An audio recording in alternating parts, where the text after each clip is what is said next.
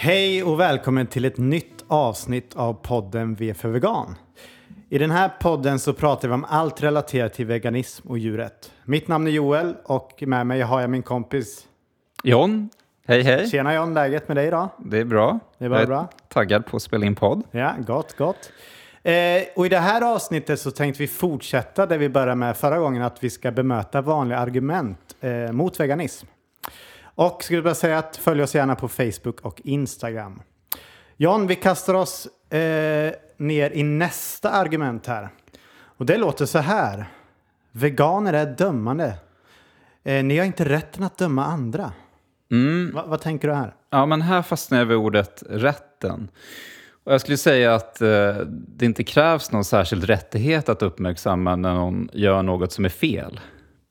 Så om du ser någon som göra något omoraliskt och du har tillräckligt med bevis för att det är fel, eh, då kan du och bör du dra slutsatsen att det handlar fel.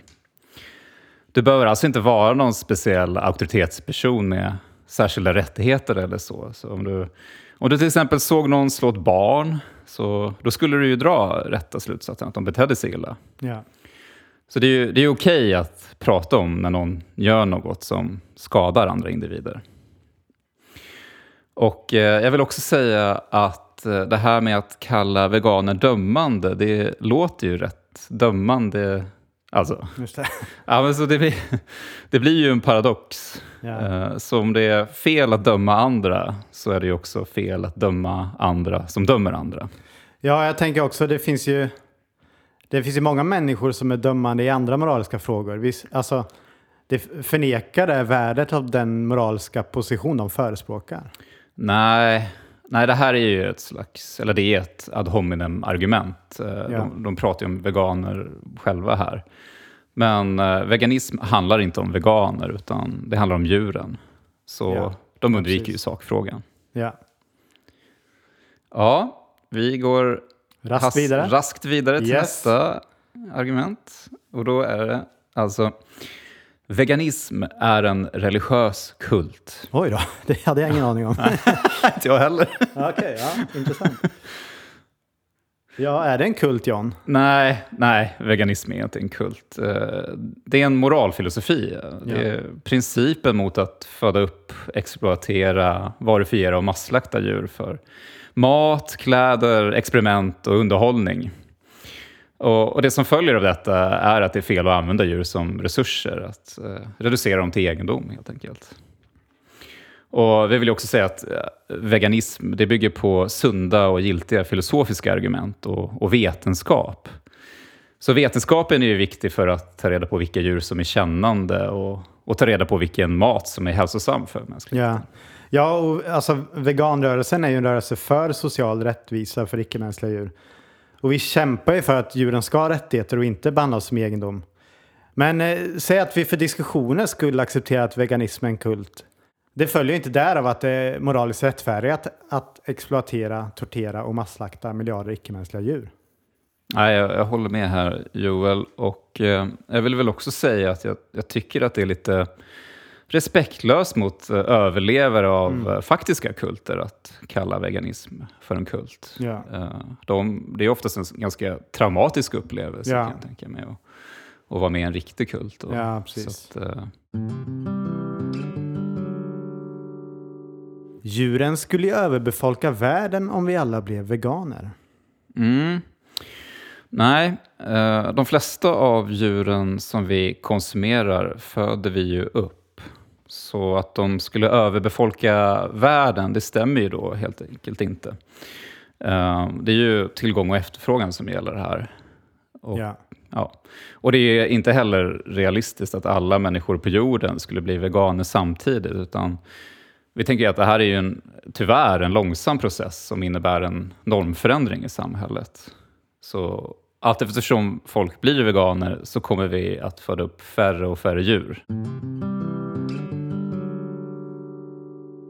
Det är eh, djuren i djurindustrin hade inte existerat om det inte vore för oss. De borde alltså vara tacksamma för att folk konsumerar djurprodukter. Mm. Och eh, ja, det här argumentet eh, det är också känt som logic of the larder inom den filosofiska litteraturen. Men eh, det faktum att man för individer till världen, det kan ju inte rättfärdiga att man utsätter de här individerna för våld eller exploatering. Så jag har ett exempel här. Då. Vi, vi kan ju tänka oss att vi skulle föda upp barn kanske då under hemska förhållanden i en industri som då används som uh, organdonatorer. Mm. Och den här industrin skulle inte vara rättfärdiga då bara för att vi har fört de här barnen i världen. Nej, just det. Det, Nej, det är ett bra exempel. Mm. Jag tycker ehm, boken Eat Like You Care av Gary Francione och Anna Charlton, de har ett bra svar på här, eh, det här argumentet. Eh, I boken pratar de om en allmänt accepterad uppfattning som folk har om djuretik och den, är, eh, den lyder så här. Människor anser att det finns en moralisk skyldighet att inte utsätta djur för onödigt lidande. Så argumentet att djuren i djurindustrin inte hade ex- existerat innebär att vi skulle göra djuren en tjänst då. Det blir ju konstigt. Genom att konsumera dem och att vi skulle skada dem genom att inte konsumera dem. Och det här går ju då mot eh, vår allmänt accepterade uppfattning om att inte orsaka djur onödigt lidande. Eh, det vill säga då lidande utan något gott skäl. Och jag tänker den här eh, positionen skulle också innebära att vi kan använda oss av alla former av tortyr mot djur eftersom ett liv fyllt med tortyr är ju bättre än inget liv alls. Och här kan vi då titta på andra djurutnyttjanden som vi, jag tror pratade om förra gången John, eh, tjurfäktning, vad har vi Mm. mer för? Det finns ju många exempel. Ja, hundslagsmål hundslagsmål. Eh, så jag, jag tänker vi kan inte hålla fast vid den här uppfattningen samtidigt som vi menar att vi behöver goda skäl för att orsaka lidande och död. Och, och som vi då sa förra gången, njutning, nöje eller bekvämlighet utgör inte goda skäl. nej. Man måste värdera icke-mänskliga djur exakt lika mycket som människor för att vara vegan. Ja, det följer inte att man måste värdera icke-mänskliga djur exakt lika mycket som människor när man blir vegan. Utan att vara vegan innebär att man ser icke-mänskliga djur som kännande individer med rätten att inte behandlas som egendom. Ja, men detta innebär ju att man undviker att konsumera djurprodukter och, och bidra till andra aktiviteter som skadar icke-mänskliga djur. Som till exempel att besöka zoo eller gå på cirkus med djur. Och göra detta då så långt som är praktiskt genomförbart. Ja. Skulle du döda ett djur om du var på en öde ö för att överleva? Ja, det här är ju en extrem situation som handlar om överlevnad. Men eh, för de allra flesta i västvärlden, vilket är det de vi riktar oss till främst, så handlar det ju inte om överlevnad utan om vad folk ska köpa i mataffären. Helt enkelt. Så veganism är ju den etiska po- positionen mot exploateringen av icke-mänskliga djur. Så det här argumentet interagerar liksom inte alls Nej. med, med eh, det veganska argumentet. Så det spelar ingen roll vad man skulle svara på den här frågan. Nej, och jag tänker det här används ju för att slå hål på veganismens eh, premisser då. Men som du sa då John, det har ju ingen betydelse. Alltså det korta svaret är ju då nej, du befinner dig inte på en öde ö. Den här frågan försöker hitta en situation där det kan vara nödvändigt att äta eller döda djur. En situation vi inte befinner oss i. Och sedan generalisera till situationer som du verkligen befinner dig i, där det inte är nödvändigt att konsumera djurprodukter. Och det fungerar ju inte. Men eh, för eh, diskussionens skull, låt säga att det är sant och vi kan äta ett djur på en öde ö. Vad säger det om oss som inte svälter på en öde ö då, John? Det säger ju ingenting. I öde ö-situationen finns det en konflikt. I eh, den andra situationen, alltså den vi eh, flesta människor befinner sig i, där finns det inte en konflikt. Nej. Och ett liknande exempel eh, är ju det brinnande huset. Har du hört talas om det John? Ja, jo men det har jag. Ja? Ja, ja. Nej, men, eh, när, jag var, när jag gick gymnasiet så, så hade jag en klasskompis som fick exakt den här frågan faktiskt. Så jag har ett starkt minne Ja. av det. Jag bara Okej, slänger in ja. det. Ja, men absolut. Nej, men Ja. För, för det är ju lite, lite likt då det här öde ö-scenariot. Det ju- innebär ju då att vi, vi, vi tänker oss att vi går förbi ett brinnande hus då. Och så ser vi ett barn och en hund i det här huset. Men vi har bara tid och möjlighet att, att rädda antingen då barnet eller hunden.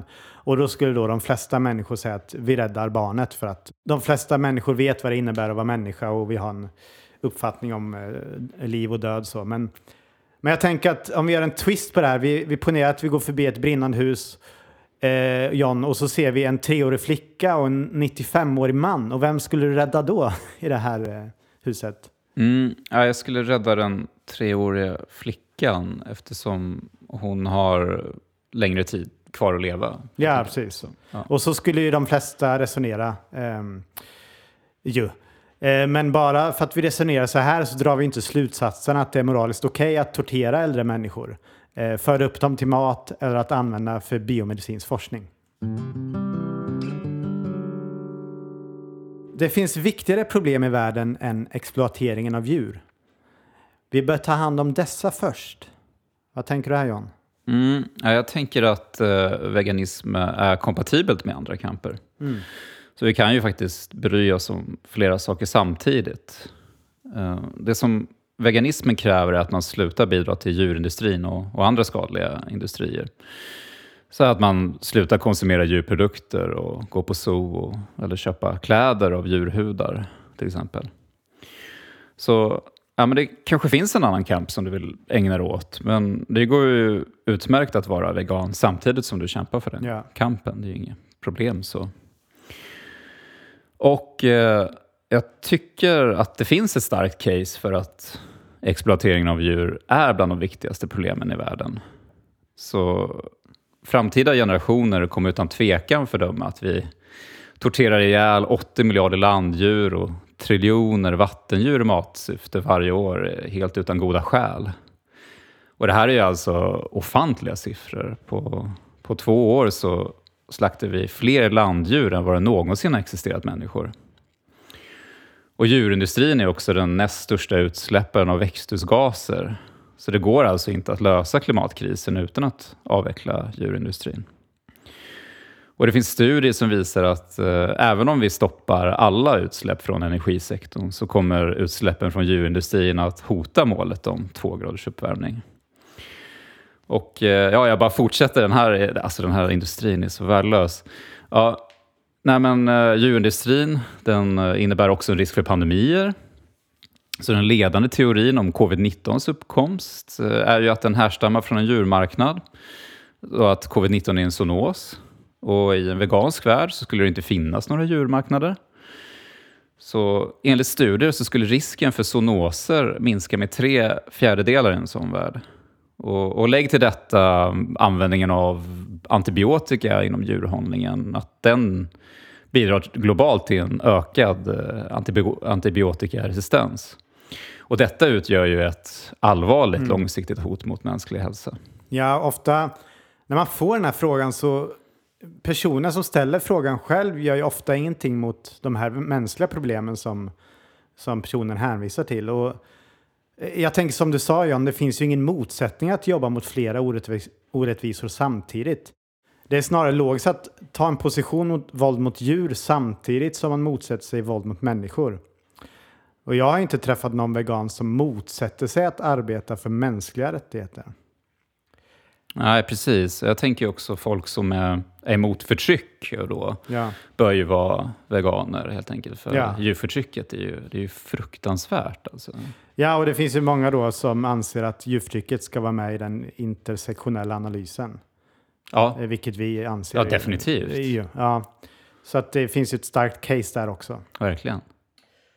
Argument nummer 26. Num eh, numero. jag tar bort det. Nej, det är okej. Det finns ju veganer som har husdjur. Varför väljer ni att begränsa husdjurens friheter och rättigheter? Ja, eh, precis som djur så klarar sig inte spädbarn eller människor med kognitiv funktionsnedsättning sig själva, utan de är ju beroende av att vi tar hand om dem. Och det ligger i deras bästa intresse att vi gör det. Så jag menar att släppa ut djuren eller spädbarn för den delen i, i naturen, det skulle ju troligtvis vara en ganska brutal katastrof för dem.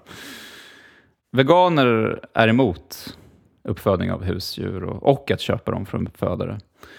Men de här djuren existerar ju på grund av oss och då har vi ju ett visst ansvar att ta hand om dem. Så adoption är en djurrättslig handling. Då alternativet är ju att de dödas om det inte hit, går att hitta någon som tar hand om dem. Så i en vegansk värld så skulle vi inte ha det här problemet med ett överflöd av hemlösa djur. Eh, Jag vet i Chicago så, så går det faktiskt inte att köpa husdjur utan man måste adoptera enligt lagen. Så ja, det bästa vore ju om det var så globalt. Ja. Så eh, jag kan förtydliga här då. Det är alltså inte samma sak eh, som att betala för att djur föds upp, exploateras och dödas eh, för mänsklig nytta, som att eh, adoptera och ta hand om ett djur som har fötts upp för att vara beroende av människor och, och därför behöver ett hem. Ja. Veganer måste ta B12. Varför skulle jag bli vegan när jag blir tvungen att ta kosttillskott? Mm. Ja, här kommer ett eh, argumentationsfel. Det här är en vädjan till naturen. Och, och tanken här är att eh, bara äta livsmedel i sig då är hälsosammare för att det skulle vara naturligt. Jämfört med att både äta livsmedel och kosttillskott. Men vi har ju hälsodata som visar att när man kombinerar livsmedel och kosttillskott så ger ju det positiva hälsoresultat. Så det här skulle jag inte säga någon invändning mot veganism överhuvudtaget. precis. och den här frågan visar ju också lite att personen som ställer den här frågan tror att veganism är en diet. Och det Mm, är vi tydliga med att det är absolut ingen diet. nej, nej, det är det inte. Det är bara bra att säga det igen. för- Ja, verkligen. Tycker jag. Ja, tycker jag med. Eh, ja. Köttätandet fick våra hjärnor att växa under evolutionens gång. Ja, det här är ju en teori och eh, det är inget som har bevisats. Och det finns en hel del forskning som tyder på att eh, det här inte var fallet, utan att det berodde på att vi åt stärkelserik eh, mat, eh, då, till exempel. Men istället för att göra en djupdykning i den paleoantropologiska forskningen så kan vi ju helt enkelt ställa oss frågan om detta säger något om hur vi ska bete oss eh, rent normativt. Så tänk om vi fick reda på att eh, det som fick våra hjärnor att växa var att de förhistoriska människorna dödade och åt eh, andra människor. Skulle detta då, då rättfärdiga att vi föder upp och masslaktar människor för mat? Nej, det funkar ju inte. Utan det är irrelevant när det kommer till hur vi ska bete oss moraliskt sett. Vi människor är intellektuellt överlägsna djuren och därav är det moraliskt att exploatera och masslakta dem. Ja, det finns ju människor som har en lägre kognitiv kapacitet än de djur vi äter. Som till exempel spädbarn eller folk med svår kognitiv funktionsnedsättning. Och vi skulle ju aldrig acceptera att eh, den här lägre förmågan rättfärdigar att vi dödar och äter om. Och det med rätta. Så om, om låg intelligens inte rättfärdigar masslakt och konsumtion i det mänskliga fallet, så varför skulle det då göra det i fallet med icke-mänskliga djur? Ja, jag tänker frågan, liksom. ja, och jag tänker det är ofta intelligens som åberopas då som är ett karaktärsdrag som är speciellt, alltså människan har av en hög, vad ska man säga, en sofistikerad version av. Ja. Men det är en reflektion jag har att jag tycker det är intressant att det är alltid de här eh, förmågorna som är då klassiskt mänskliga som ska alltid värderas högst. Till exempel djur kan ju en massa saker som vi inte kan, till exempel eh, flyga, eh, andas under vatten. Kommer Mm. du på något mer John? Ja, eh, fladdermöss använder ekolod för att det. navigera. Just det. Så jag tänker, det är ju inget som säger att just dessa attribut inte skulle vara lika mycket värda som ett högt intellekt. Det är ju extremt godtyckligt. Det Verkligen. här tror jag har att göra med specicism och det, det ska vi prata om i ett separat avsnitt. Ja, Eh, jag skulle säga att det här är funkofobiskt också. Ja, Eller hur? Det handlar ja. om funktionsförmågan, då. Ja, intellektuell precis. funktionsförmåga. Ja. Och då säger man att nej, men det är rätt att, att förtrycka andra på grund av den här lägre Ja. förmågan. Ja, precis. Nej, det, nej. Ja, precis. Men vi, jag tror vi ska prata om specicism i ett annat avsnitt också. Ja, Eh, definitivt. Och grotta in och sådär. ja, det måste vi. Men veganism är dåligt för miljön och klimatet. Ja, jag var tvungen att ta med den här faktiskt. ja, men jag blev helt paff, eh, för jag gick eh, kursen Critical Animal Studies i, i Lund. Eh, Jag rekommenderar verkligen att, att gå den. Eh, Jättebra kurs. Eh, Jag fick den här frågan av en klasskompis då. då. Eh, För jag skrev en uppsats om veganism och, och jag blev helt bara, jag gapade nästan. Jag bara, är det folk som fortfarande tror det här? Ja. Men eh, jag antar att det här då visar hur pass stor okunskapen är kring djurindustrins eh, inverkan på miljö och klimat. Jag har också märkt faktiskt att det finns vissa så här livsstilskonton på X eller Twitter Ja. som sprider den här desinformationen. Ja. Men vi Ska- har... eh, ja, vi tar lite facts. ja. Eh, djurindustrin släpper ut mellan 20 till 28 procent av alla totala växthusgaser, vilket är högre än hela transportsektorn. Det är den näst största utsläpparen i världen. Och studier har även visat att om vi stoppar alla utsläpp från energisektorn så kommer utsläppen från det matsystem vi har nu att tas förbi 1,5 grader och hota eh, 2 graders uppvärmning. Så det går alltså inte att lösa klimatkrisen utan att avveckla djurindustrin. Det är den primära drivkraften bakom skogsskövling och ett av de största hoten mot den biologiska mångfalden. Ja, det är bara att fortsätta här, liksom bara boom, boom. Ja. Men eh, ja, djurindustrin använder en absurd mängd mark. Så 77 procent av all jordbruksmark i världen används för att föda upp djur. Och eh, den här industrin ger oss endast 18 procent av alla världens kalorier. Och, och det är också värt att nämna att köttproducenter som stjäl mark för djuruppfödning och, eller foderproduktion hotar urbefolkningen i Brasilien. Och djurindustrin står också för det största svinnet i världen. Så det är alltså ett otroligt resursslöseri att föda upp djur, ge dem växter att äta, färskvatten att dricka och sedan äta de här djuren. När vi kan äta växter direkt. Så eh, till exempel så går det åt eh, 9 kalorier av foder för att producera en kalori kycklingkött. Vi har också en, en ny studie som har publicerats som visade att en växtbaserad diet bidrog till 75 procent mindre klimatutsläpp, vattenföroreningar och markanvändning än dieter där mer än 100 gram kött per dag åts. Så bryr man sig om klimat och miljö så är en växtbaserad diet ett måste. Och det, är, det är det du kan göra i ditt liv för att minska din påverkan på klimat och miljö mest. Ja. Och det är ju enligt eh, Poren Nemetschek-studien från 2018 då, som är en livscykelanalys. Den, mest, eh, eller den största livscykelanalysen som gjorts. Djur är inte människor. Vi har rätt att döda och använda dem av det enkla skälet att vi är människor och de inte är det. Ja, det här är ju specicism då som vi pratade om innan. Eh, och specicism är ju artdiskriminering. Så då att djur inte tillhör arten Homo sapiens, eh, det i sig då används som skäl för att rättfärdiga att vi exploaterar, torterar och masslaktar dem.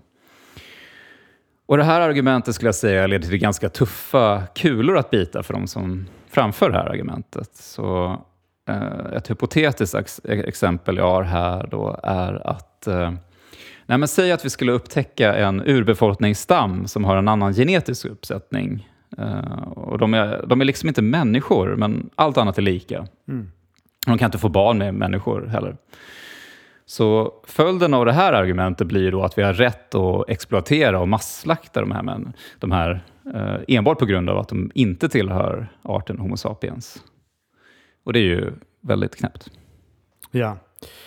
Och specicism då som vi pratar om, det är ju lika godtyckligt som andra förtryckande ismer som använder ett irrelevant kriterium för att förtrycka individer. Som rasism då som använder etnisk tillhörighet eller sexism som använder kön för att förtrycka då personer med ett visst kön. Så att det är lika en ihålig liksom, förtryckande ism på samma Ja, precis. sätt. Nej, det är ju godtyckligt. Liksom, Ja, väldigt godtyckligt. Mm.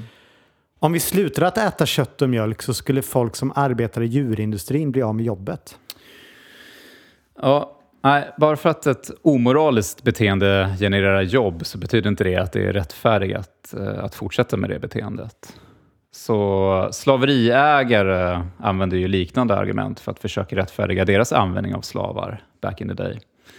Så de sa ju st- saker i stil med att slaveriet är mitt leverne. Men eh, ja, med, det, med det sagt så bör vi ju hjälpa bönder att göra en övergång till växtbaserat lantbruk. Jag bryr mig inte alls om djur lider och dör. Djur har inga rättigheter. Jag kommer fortsätta att konsumera djurprodukter. Vad säger du här John? Mm. Ja, det här tror jag kan vara ett utmanande argument faktiskt. Ja, absolut. Um, jag menar, hur ska man övertyga någon då som säger att de inte bryr sig om djur att börja bry sig om djur? Men ja, det jag hade börjat med att eh, göra är att fråga om de som framför det här argumentet verkligen menar det de säger. Alltså att de inte bryr sig alls om icke-mänskliga djur. Mm. Så att, att vi människor då skulle ha rätt att göra precis vad som helst vi vill med djur. Mm. Så jag hade, jag hade benat lite i det här. Så att, eh, jag hade frågat, är det okej att sälta eld på griskultingar för att använda som läsbelysning på kvällen? Mm. Eh, Jag hade kanske också frågat, att, eh, är det okej att i en evighet tortera miljarder griskultingar för nöjes skull?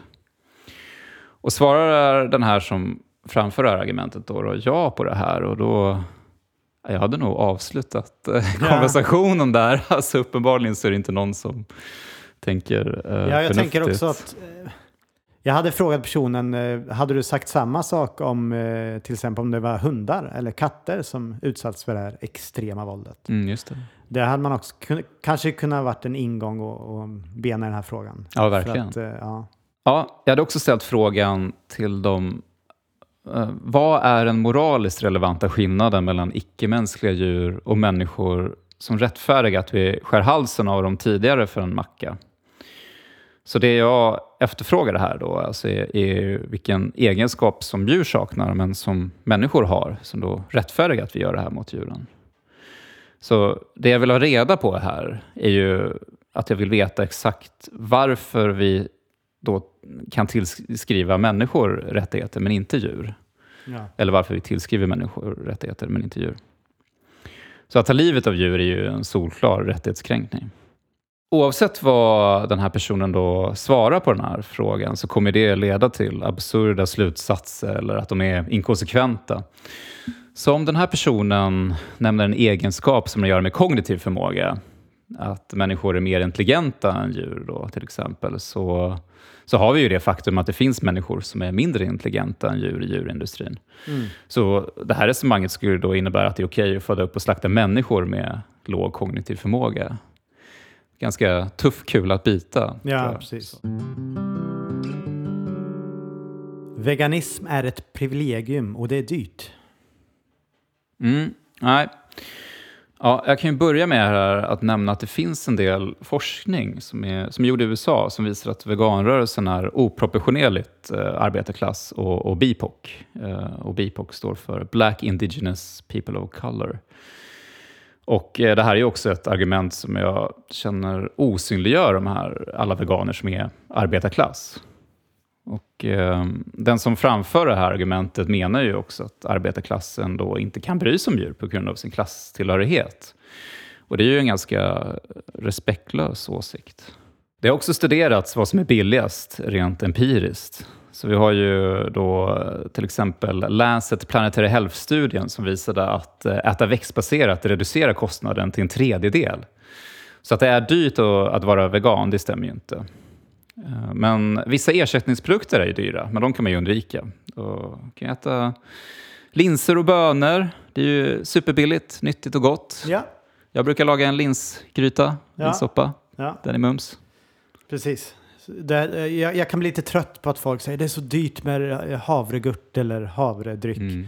Men, jo, men köp inte det då. Eller så här. Det finns ju an, animalisk mat som också är dyr. Som är liksom. Ja, alltså den så är ju... att, eh, ja, Jag såg en studie nyligen, nyligen då och alltså det var ju typ 3% dyrare. Så det var Ja. inte var jättemycket dyrare Ja. heller. Liksom, så. ja, jag köper inte så. Alltså jag köper, köper havredryck till exempel. Alltid och typ. Mm. eh, Ja. Men det, du behöver inte köpa det helt enkelt. Nej. Eftersom att moralen är subjektiv så kan du inte kritisera min konsumtion av djurprodukter.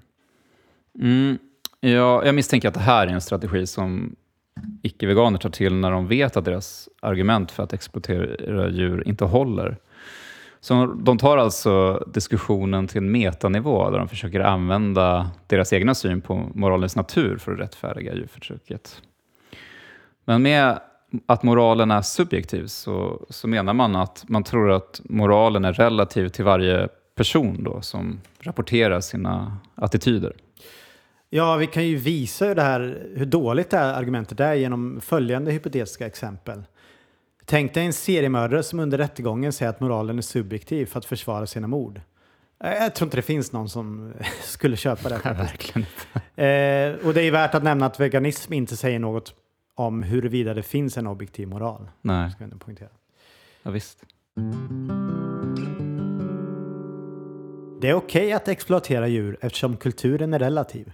Mm. Ja, det här är också ett försök att uh, ta diskussionen till en metanivå. Så det är alltså kulturrelativism, uh, vilket är en metaetisk teori där man anser att moralen är relativ till kulturen. Så ett påstående då är sant när det rapporterar vad den dominerande kulturella attityden är i ett samhälle. Så enligt den här teorin så är att exploatera djur då automatiskt rätt eftersom det är den dominerande kulturella attityden i vårt samhälle. Ja, äh, det finns ju rätt många problem med den här teorin och vi kan ju börja med eh, Michael Humers eh, så kallade nazi-invändning mot kulturrelativism. Så tänk dig då att du befinner dig i 40-talets Nazityskland. Den dominerande kulturella attityden är att det är rätt att samla ihop judar och skicka dem till koncentrationsläger. Oskar Schindler, som då räddade judar, ses ju då som en ond person eh, eftersom han ja, gjorde det här, då, alltså att han räddade judar från, utan, från att dö i koncentrationsläger.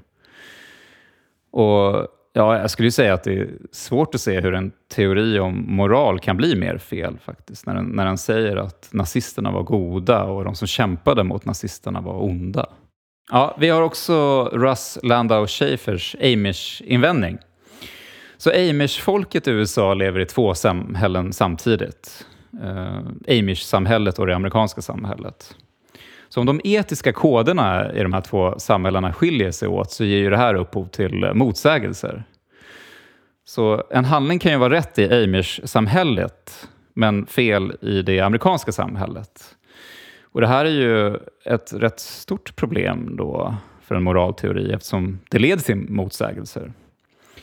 Uh, en av mina favoritdjurrättsfilosofer här, då, Tom Reagan, han, han säger det här om motsägelser i moralteorier i citattecken. Att, eh, att missa det moraliska omdömet genom att anamma en motsägelse är att missa målet så grovt man någonsin kan. Ganska hardcore, hardcore uttalande. Bra sagt Tom. ja. Yeah. ja, han är bra. Ja, ska vi gå vidare? Yes. Så, det finns ingen etisk konsumtion i ett kapitalistiskt samhälle. Enligt det här argumentet så är det inte värt att bli vegan eftersom det sker skada och exploatering i alla produktionskedjor. Så oavsett vad vi köper så kommer vi bidra till skada på något sätt. Uh, problemet med det här argumentet är att det sätter likhetstecken mellan konsumtion av alla produkter. Så all konsumtion är dålig, så det spelar ingen roll vad du köper. Ja, det här argumentet är ju uppenbart falskt. Vi kan tänka oss följande hypotetiska exempel. Produkt A är ett äpple där allt sker som det bör under produktionen. Arbetarna behandlas bra, får bra betalt och så vidare. Produkt B är ett annat äpple. Och här så arbetar arbetarna under slavförhållande och mördas. Så enligt det här argumentet så skulle det vara exakt samma sak att köpa äpple A som äpple B. Detta försvarar faktiskt bara status quo och rättfärdigar en passivitet. Mm. Ja, det gör det ju. Eh, de som använder det här argumentet, de försvarar ju konsumtionssamhället. Eh, faktum är ju att vissa produkter är mindre etiska än andra. Och det är, det är svårt att hitta en mer oetisk industri än djurindustrin där vi torterar miljarder oskyldiga individer till döds varje år och bidrar till klimatkrisen och förstör miljön. Och jag tänkte också att säga att eh, alltså bojkotter är inget nytt för sociala rättviserörelser, utan det är en vanlig strategi för att få till förändring. Och den har ju till exempel använts av medborgarrättsrörelsen i USA och av Gandhi i Indien. Din konsumtion bidrar till slavarbete i chokladproduktion eller litiumgruvor och sweatshops som används i fast fashion. Mm. Ja, det här är ett argument där veganer anklagas för att vara hycklare på grund av deras eh, eventuella konsumtion av andra produkter. Och det här är ett så kallat eh, tu quoque argumentationsfel. Då, tu quoque är latin, lite fint filosofiskt uttryck. Uh, det här skulle jag säga är ett slags uh, menduro-argument. Ja. Alltså man anklagar den andra för hyckleri. Men två fel kan inte göra ett rätt. Eh, vi kan ju säga att vi rent hypotetiskt kan komma fram till att det skulle vara fel att köpa iPhones till exempel. Eh, Men det innebär ju inte att det per automatik blir rätt att köpa djurprodukter. Så, så den som framför det här argumentet eh, interagerar liksom inte med det veganska argumentet alls, utan den har ju bytt diskussionsämne. Ja, och här är väl en klassisk, eh, man förflyttar fokus från sakfrågan. Ja, definitivt. Ja. Veganer dödar fler djur än icke-veganer i växtodling. Ja, här har vi ett till hyckleriargument. Så tanken här är att eftersom djur dör under växtodling, eh, de blir till exempel överkörda av skördetröskel eller, eller eh, får bekämpningsmedel på sig, så är då veganer hycklare eftersom de också bidrar till att eh, skada djur på det här sättet. Men ja, återigen, två fel kan inte göra ett rätt. Att eh, dö djur under växtodlingen kan inte rättfärdiga att vi föder upp och masslaktar och torterar miljarder andra djur. Och det här är ju också ett eh, empiriskt påstående då, det här att det dör fler djur i djurindustrin. Så bevisbördan ligger hos den som framför det här argumentet, att visa att så, så är fallet med, enligt forskningen. Eh, jag är inte övertygad om att det dör fler djur på växtodlingar än vad det gör på vildmark eller, eller betesmark. ja, slutligen då. De dödsfallen som sker under växtodlingen är ju inte rättighetskränkningar. Takläggare är ett av de farligaste yrkena i världen vad gäller antal dödsfall enligt global statistik. Men lika lite som folk anlitar takläggare är skyldiga till att takläggare dör i arbetet så är veganer ansvariga för dödsfallen i odlingen av växter. Men de som köper djurprodukter bidrar till att djurs rättigheter kränks eftersom att djuren föds upp, exploateras och dödas. Veganism handlar om att minimera lidandet vi orsakar i världen. Det är ju en godtycklig punkt att stanna vid. Jag kan även minimera lidandet genom att äta färre djurprodukter, att vara reducetarian. Mm. Eh, nej, men eh, veganism handlar inte om att minimera lidande. Eh, det är inte samma sak som negativ utilitarism, eh, vilket är en etisk filosofi som fokuserar på att minimera lidande. Och i, I den betonas det att det viktigaste är att undvika eller minska lidande. Men eh, det här är ju en absurd filosofi som innebär att det bästa som skulle kunna hända oss alla är om en asteroid kommer och slår ut allt kännande liv på jorden. Eh, då har man ju minimerat allt lidande och inget lidande kan eh, uppstå i framtiden. Som vi sagt eh, tidigare så är veganism principen mot att föda upp, exploatera, varifiera och masslakta djur. Det är fel att använda djur som resurser, att reducera dem till egendom för mänskliga syften. Lidandet är såklart ett fruktansvärt inslag i djurexploateringen som vi såklart motsätter oss, men det är inte det enda som spelar roll i denna filosofi. Jag kan inte påverka mängden djur som dör i djurindustrin. Ja, det här argumentet är känt som ineffektivitetsanvändningen. Så den som framför argumentet menar ju då att man bara är en konsument i mängden. Så marknaden är stor, miljarder djur föds upp och exploateras. Och det här innebär att eh, producenter inte kan kalibrera produktionen som svar på en enskild individs köpvanor. Som enskild konsument kan man enligt det här argumentet inte göra någon skillnad alls. Ja, problemet med det här argumentet är att det, det är falskt. Varje individuell konsument har en stor påverkan av hur många djur som föds upp och slaktas. Så i varje affär så finns det alltså en tröskel när affären beställer mer av en vara. Så under en livstid så är chansen extremt stor att du, du triggar den här tröskeln och, och därmed blir ansvarig för att eh, hundratals djur föds upp och dödas. Så, och även om du inte triggar den här tröskeln vid ett köptillfälle så har ditt köp av djurprodukten ändå bidragit till att eh, tröskeln triggas i framtiden av någon annan. Ja, nästa argument John tycker jag är lite sorgligt på något sätt. Jag, får se vad, vad, vad du tänker om det här. Det lyder så här. Jag är för gammal eller för ung för att förändra mig. Ja, det Förstår du vad jag så- menar på något jo, sätt? men jag- det är lite sorgligt. Va? Att man så här, eh, är inkörd på det vanliga och, Sina och, och inte, liksom, ja. ja. sina vanor och kör på och inte kan tänka sig förändras. Ja, ja det, det, det. känns sorgligt. Jag tänker så här, om, om man är för gammal då. Jag tänker att man är aldrig för gammal för att göra något som man vet att man bör göra. Alltså jag tänker din ålder kan ju aldrig vara en ac- acceptabel ursäkt. Nej. Vi kan ju tänka det här i en mänsklig kontext.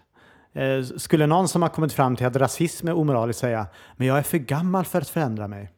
Och då är man för ung då. Och då tänker jag att jag tänker det kanske gäller då personer som bor hemma hos sina föräldrar. Och då kan jag för, förstå för att då kanske föräldrarna kan vara oroliga att då barnet eller ungdomen inte får i sig tillräckligt med näring om det gäller kosten.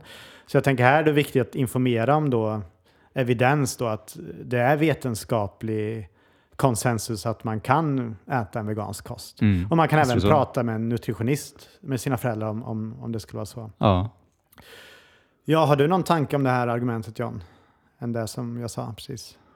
Nej, jag Nej. tycker att du sa det väldigt bra Okej. och konkret Joel. Okej, ja, bra. ja, nu har vi gått igenom, om jag har räknat rätt här då, 42 argument mot veganism. Det måste ju vara något, något form av rekord i någon podd. Eller vad tror du? Ja, men jag tror det. Jag tror Ja. det här är, är rekord. Ja, Eh, kanske kommer med i. Guinness rekordbok. Tror vi gör Hur det? känns det rent... Nej, kanske inte. Hur känns det rent spontant nu? Är, lite, är du uttömd i huvudet här eller hur känns det? Ja, men jag tycker det känns bra att, att gå, gå, ige- ha gått igenom de här argumenten. Eh, jag tänker att i det här avsnittet så gick vi igenom argument som kanske är lite tuffare att eh, titta Ja. på och besvara. Så det här, med det här så hoppas jag att eh, många har fått lite, ja, vegankött på benen. ja, precis. ja. Ja, Och för att kunna besvara alltså, och, och, och förhoppningsvis hamna i produktiva diskussioner med, med andra. Ja, precis. Och att jag tänker, jag har, vi har väl båda lite sluttankar nu efter Mm. de här argumenten. Och det, alltså de tankar jag fick det att efter att gått igenom där, alla de här argumenten, vilket är väldigt många nu då, det är att Alltså min upplevelse är att de flesta människor tror jag innerst inne vet att det är problematiskt att vi utnyttjar slaktar djur, alltså döda Mm. djur. Så även om de kanske inte håller med då, som oss då, att, eller veganismens premisser att det är fel att behandla djur som saker, så tror jag ändå att de vet att djuren torteras och dör en fruktansvärd död. Ja, Och, och det vanligaste argumenten jag hör från folk som inte vill bli veganer, det är ju de här att de tycker om smaken från djur eller djurprodukter. just det. Eller att de är för bekväma för att förändra sig. Så det, det som är sorgligt då tycker jag, det är att offren osynliggörs ju helt här. Jag tänker bara under detta samtal så har tus, eller hundratusentals oskyldiga individer torterats och dödats och utan ett gott skäl. Och eh, det är bara en hemsk verklighet. Ja, ja verkligen. så. Och sen tänker jag en, en, en annan tanke jag fick här att om vi skulle då, jag tror vi nämnde i förra avsnittet att i, husdjur är väldigt um, heliga i Sverige Mm. och i eh, mesta delen av världen. Och, och om det här skulle handla om hundar och katter, hur skulle... Det är ju bara, vi, vi har lärt oss kulturen då, i, om vi tar Sverige eller USA om vi ska ta sex, som exempel. Och Det är okej att slå ihjäl grisar och fiskar och kor och kycklingar och så här. Men om det hade varit labradorer eller Mm. taxar eller kattungar, hur hade, hur hade folk reagerat då? Ja. Det är bara en sån tanke. Men... ja, det finns ett roligt eh, konto på Instagram och, och X som heter eh, Elwoods Organic Dog Meat eller något åt den hållet. Okej. Och det, det visar ju faktiskt på det här då att eh, de fejkar ju att de säljer hundkött. Så det är ju många som reagerar Okej. ganska hårt där de bara hotar dem så här, men nej men läs på, på sidan. Ja, det är satir liksom. Ja, det är satir, ja. Ja, ja, okej. det, det tycker jag är ganska smart. Ja, jag tror det är verkligen. bra, ett, ett smart sätt att eh, bedriva sin aktivism på. För det tror jag folk eh, får den här tanken. Liksom. Varför, varför behandlar vi eh, vissa djur som familjemedlemmar och, Mm. och vi ger dem kärlek och säger men andra djur bara för att de är av en annan art och de Mm. så här, torteras och masslaktas. Det Ja. Så bisarrt Ja, eh, och godtyckligt. ja. Och den tycker jag då när jag blev vegan, det är en, en hemsk verklighet att vakna upp till. Ja, det är, det är ganska tufft faktiskt. Ja. Men du hade lite tankar också John? Ja. Avslutande tankar så. Ja, men jag har lite tankar kring de här Ja. argumenten vi har gått igenom i de här två avsnitten. Och det här är ju det är ganska dåliga argument. Ja. Så här, generellt, alltså, de är ju dåliga. Eh, och jag tror att många icke-veganer har en stark motivation att upprätthålla en positiv bild av sig själva. Och, och för att lätta på den här kognitiva dissonansen så kan ju det leda till ganska absurda positioner. Och, ja, vi nämner ju ofta argumentationsfel och, och en del tankedödande klyschor. Uh, och som vi sa då, det är, det är ju psykologiskt tufft tänker jag, att titta på hur um, djur, djurexploateringen uh, går till och, och, ta in det här. Uh, de flesta har inte tänkt på exakt hur vi exploaterar djur utan de kör, kör liksom på utan att reflektera. Mm. Um, ja, lite, lite mer tankar här. Så att, Ja, men jag tänker att folk ger argument och skäl för att rättfärdiga djurförtrycket som de inte hade gett i andra sammanhang med människor. Då. Ehm, så om vi hade hört de här argumenten för att, för att rättfärdiga våld mot människor så, så hade ju folk sett igenom dem direkt. Alltså. Ja, vi kan ju till exempel tänka oss någon som vädjar till naturen då och säger att nej, men det är ju naturligt att eh, kvinnor är underlägsna män. De ska ta hand om barnen medan män jobbar. Eller att de vädjar till tradition. Då. Ja, men historiskt sett så har kvinnor behandlats som andra klassens medborgare och, och därför är det rätt att göra det. Alltså, feminism är ett nytt koncept traditionellt sett. Men uh, det här är ju skräpargument som vi hade avfärdat direkt. Tänker mm. jag. Och uh, jag vill också ta med att uh, författaren Benny Malone, jag vill ta med hans teori då, så han spekulerar ju att många argument mot veganism kommer ifrån det som vi fick lära oss som barn. Det här med att det är naturligt att äta djur, det är nödvändigt för vår hälsa och vi har gjort det sedan urminnes tider. Det är djurens syfte att bli slaktade och ätna. Och då, efter de, eftersom folk har, eh, eller vi då, har indoktrinerats i de här myterna om djurexploatering vid en väldigt ung ålder så, så, så tänker de flesta inte på problemen eh, förrän de träffar en vegan som kommer med argument. Och då, och då sträcker de sig då bakåt i tiden och för fram de här argumenten då som, som de har sitt, till sitt förfogande. De här myterna då, eh, som de fick lära sig i ungdomen och, och som de inte har ifrågasatt sedan dess. Så eh, nej men, äh, tänk på hur omogna de här argumenten är. Det är så här, men du då? Nej, men jag tycker det är gott och veganer är elaka. Alltså det är, ja. Jag tycker det, var, det är en rätt intressant teori han har där. Ja.